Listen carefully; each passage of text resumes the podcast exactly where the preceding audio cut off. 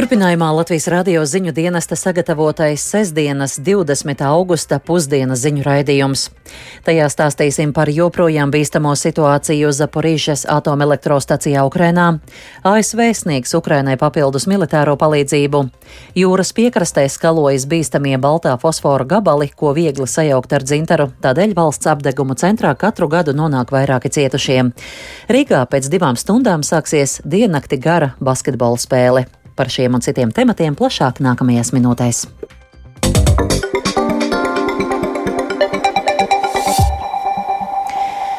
Sākusies Krievijas izraisītā kara Ukrainā 178. diena. Nedroša situācija saglabājas Zaporīžas atomelektrostacijā.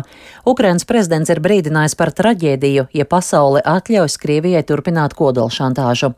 Tikmēr okupētajā Krimas pusalā noticis kārtējais uzbrukums Krievijas militārajā objektā, bet ASV paziņojusi par papildus militāro palīdzību Ukrainai. Vairāk stāsta Uldis Ķezberis.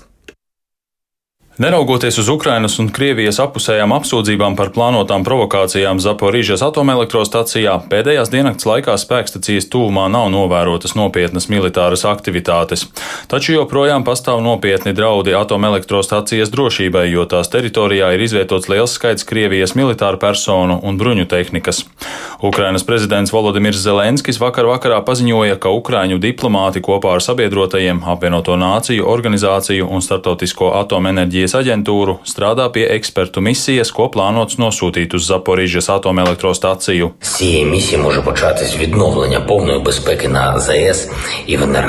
Ar šo misiju var sākties pilnīgas drošības atjaunošana Zaporižas atomelektrostacijā un Enerhotarā. Ja Krievijas radiācijas šantāža turpināsies, tad šī vasara vairāku Eiropas valstu vēsturē var ieiet kā viena no visu laiku traģiskākajām. Jo nevienā pasaules atomelektrostacijā neviena nevienā instrukcijā nav atrunāta rīcība gadījumā, ja teroristiska valsts atomelektrostāciju padara par mērķi.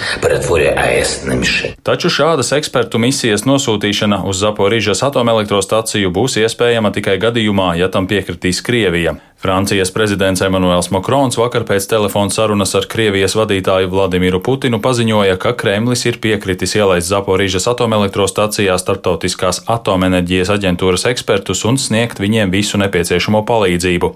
Krievija arī piekrītot tam, ka inspektori Zaporīžas atomelektrostacijā ierodas no neokupētās Ukrainas teritorijas puses, paziņojusi Elizejas pils. Šorīt kārtējais sprādziens nograndis Krievijas okupētajā Krīmas pussalā. Sociālajos tīklos publicētos fotoattēlos ir redzams, ka pēc eksplozijas virs Krievijas Melnās jūras kara flotes štāba Sevastopolē parādījušies tumši dūmi. Štāba pārstāvji paziņojuši, ka ēkas jumtā esot ietriecies drons. Pēdējās nedēļas laikā vairākos Krievijas militārajos objektos Krimā ir notikuši sprādzieni, kas visticamāk ir saistīti ar Ukrainas spēku diversijām. ASV Domnīcas kara izpētes institūts eksperti norāda, ka nesenie sprādzieni Krimā grauj Krievijas pārliecību par aizmugures teritoriju drošību. Par to liecinot arī pastiprinātie piesardzības pasākumi Krimā. Šajā nedēļā uzņemtajos satelīta attēlos esot redzams, ka okupācijas spēki pārved munīciju un bruņu tehniku tuvāk laukiem un mežiem. ASV amatpersonas ir paziņojušas, ka Ukraina vajadzības gadījumā var izmantot ASV piegādātos ieročus uzbrukumiem Krievijas okupētajās teritorijās, tostarp Krimā. Drīzumā Ukraina saņems jaunas bruņojuma piegādes no ASV, jo Vašingtona ir paziņojusi par papildu ieroču, munīcijas un ekipējuma piešķiršanu Ukrainai 775 miljonu dolāru vērtībā. ASV aizsardzības departaments atklājis, ka šajā paketē būs iekļauta papildu munīcija reaktīvās artilērijas raķešu iekārtām Haimars, 16 haubices un 36 tūkstoši artilērijas lādiņi, kā arī 15 izlūkošanas droni Scan Eagle un 40 bruņumašīnas Max Pro. Uldis Česberis, Latvijas radio. Vismaz astoņi cilvēki nogalināti islāmistu uzbrukumā iecienītai viesnīcai Somālijas galvaspilsētā Mogadīšo. Vairāki bruņot vīrieši vakar vakarā iebruka viesnīcas ēkā un atklāja uguni. Uzbrukuma laikā nogranda arī divi sprādzieni. Pēc iekļūšanas viesnīcā uzbrucēji iebarikādējās vienā no istabām, bet notikuma vietā ieradās drošības spēki, lai mēģinātu neutralizēt teroristus. Drošībniekiem no viesnīcas izdevās evakuēt vairākus desmitus cilvēku. Apšaudes starp uzbrucējiem un drošības drošības spēkiem turpinājās arī šorīt. Atbildību par uzbrukumu uzņēmies radikālo islāmistu grupējums Al-Shabaab, kas ir teroristiskās organizācijas Al-Qaeda atzars Austrumāfrikā.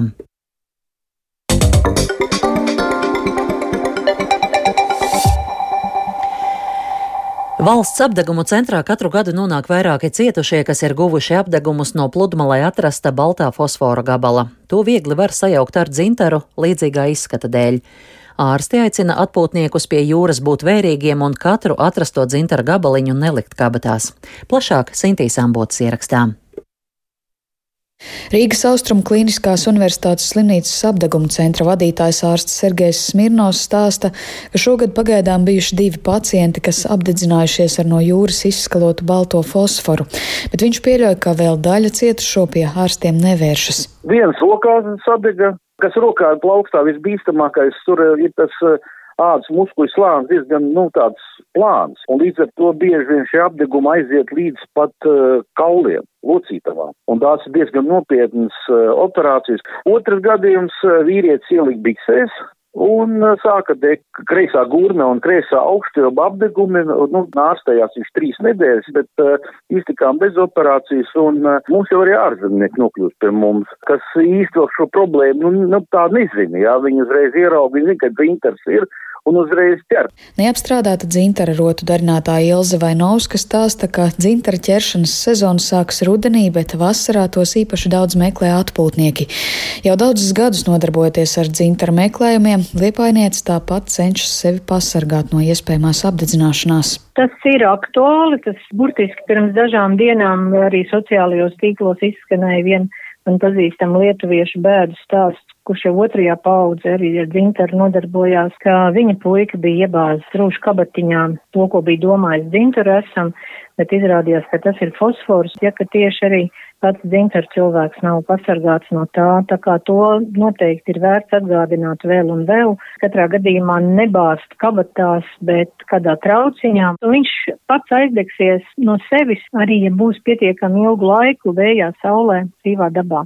Ārsts Sergejs Smirnovs vēl piekodina, ka aizdegušos fosforu jācenšas apdzēst ar kādu auduma gabalu, jo dzēšot ar ūdeni tas var turpināt degt. Taču pirmkārt ātri ir jānoroja degošās vai kūpošās drēbes un nekavē nekavējoties jāmeklē arī ārstu palīdzība, jo tas ir arī termiski ķīmisks apdegums. Fosfors uzliesmo 36 līdz 42 grādu temperatūrā. Un kamēr viņš sasilst, dažu minūšu laikā viņš sāk degt vai plaukstā. Tas pat visbīstamākais, jo tieši saskare ir ar ādā. Fosfors ir ne tikai ķīmiska viela, bet arī toksiska viela, kas var caur ādu iesūkties ķermenī. Atcerieties, ka īstais dzintars parasti ir tāds, nu, daudz maz caurspīdīgs, spilgtāks dzeltenums. Ar parastam fosforam viņš tāds zaļgam pelēcīgs, matēts. Dzintars ir ciets, šitas ir tāds trupains. Un atcerieties, Skatieties šo reģionu, kurš vēlkās no Bernātiem līdz Liepājai. Ir īpaši pēc vētrām jābūt uzmanīgi, jo viņi pēc vētrām tiek iznest ārā. Tā dēvēto viltus dzintaru jeb fosforu vētru laikā šajā reģionā izskalojo padomju okupācijas laikā un 80. gadu beigās Baltijas jūrā nonāca liels baltā fosfora daudzums, ko izmantojas prākstielās un militārajās mācībās papes poligonā. Sinti Ambote, Latvijas radio.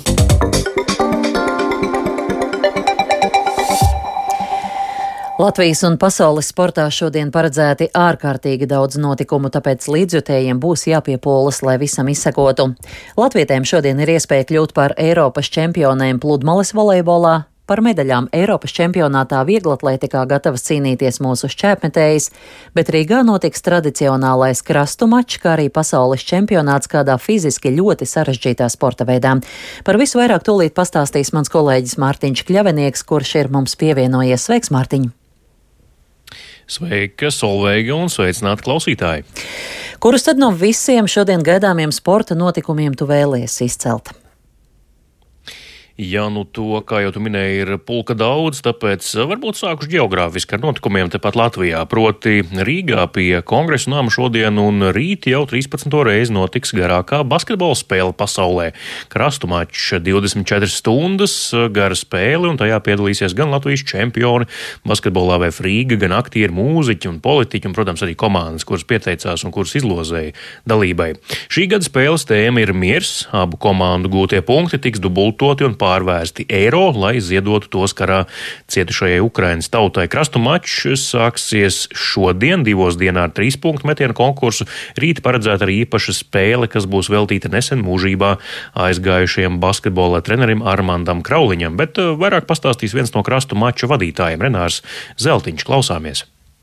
Armāda Krauliņa spēle ļoti īpaša, unikāla un vienreizēja. Šogad svētdien otrajā dienā liela daļa no tiem, kas ir spēlējuši Armāda Krauliņa paspārnē dosies laukumā un atcerēsies tos labos laikus, kad uh, Krauliņa kungs bija viņa treneris. Es jūtos kā mājās, vadot krasta maču, un uh, tā gatavošanās norit, nu, es teiktu, vairāk kā pusgadu. Līdz ar to dien dienā jau cikliski domāju par krasta maču un gatavojos tam emocionāli un fiziski. Vienmēr bijis viens no maniem mīļākajiem pasākumiem, kopš es vispār kaut ko vadu.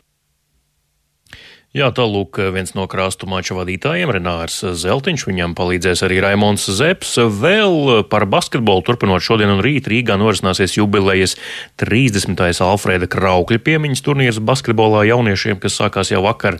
Andrajostā šodien un rīt notiks pasaules čempionāts ielu vingrošanā un kalistēntikā. Pasākumā pulcēsies 180 dalībnieki no kopumā 60 dažādām valstīm. No Latvijas šajā čempionātā um, piedalīsies 12 sportisti.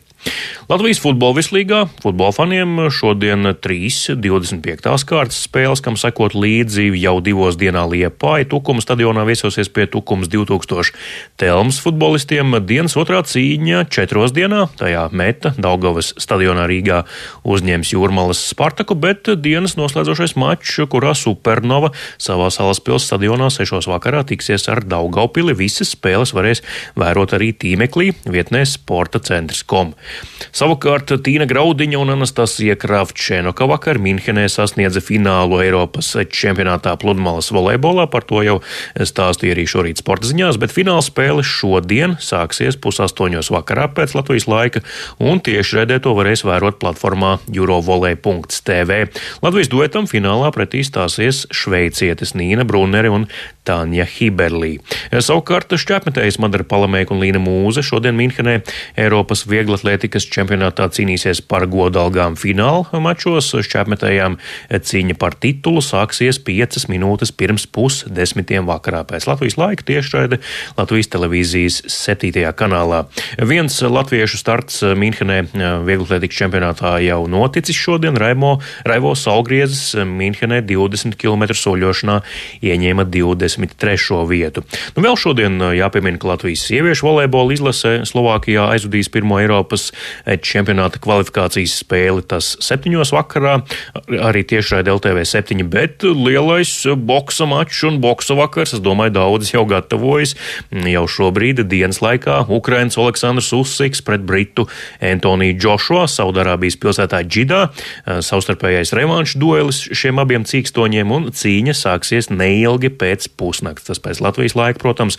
Pirmajā cīņā pērn septembrī Londonā uzsiks uzvarēja pēc punktiem un ieguva četras prestižākās boksa jostas, kādas pasaulē var iegūt, apvienojot šos titulus revanšu, pārraidīs sporta straumēšanas platforma DAZN. Uzsiks arī panāca to, lai cīņa Ukrainā tiktu pārraidīta televīzijā, kā arī viņa tīmekļa vietnes YouTube kanālā Ukrainas teritorijā, tā kā tiem, kuri atrodas Ukrainā, tie šo cīņu varēs vērot bez maksas. Lielbritānijas mediji lēš, ka cīņas prēmiju fonds būs aptuveni 80 miljoni ASV dolāru, sadalījums būs puses pusi, katrs saņems pa 40 miljoniem dolāru.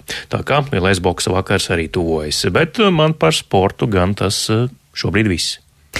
Jā, paldies par sportu stāstīja mans kolēģis Mārtiņš Kļavenieks. Es piebildīšu, ka Rīga šodien svin 821. dzimšanas dienu. To nosvinēt var visas dienas garumā dažādās galvaspilsētas vietās. Piemēram, pulksten divos tiks noskaidrot Rīgas gardākā kūka, pulksten 16. būs gardāko smieklu konkurss, un ik viens ir aicināts piedalīties arī drosmīgo dziesmu svētkos.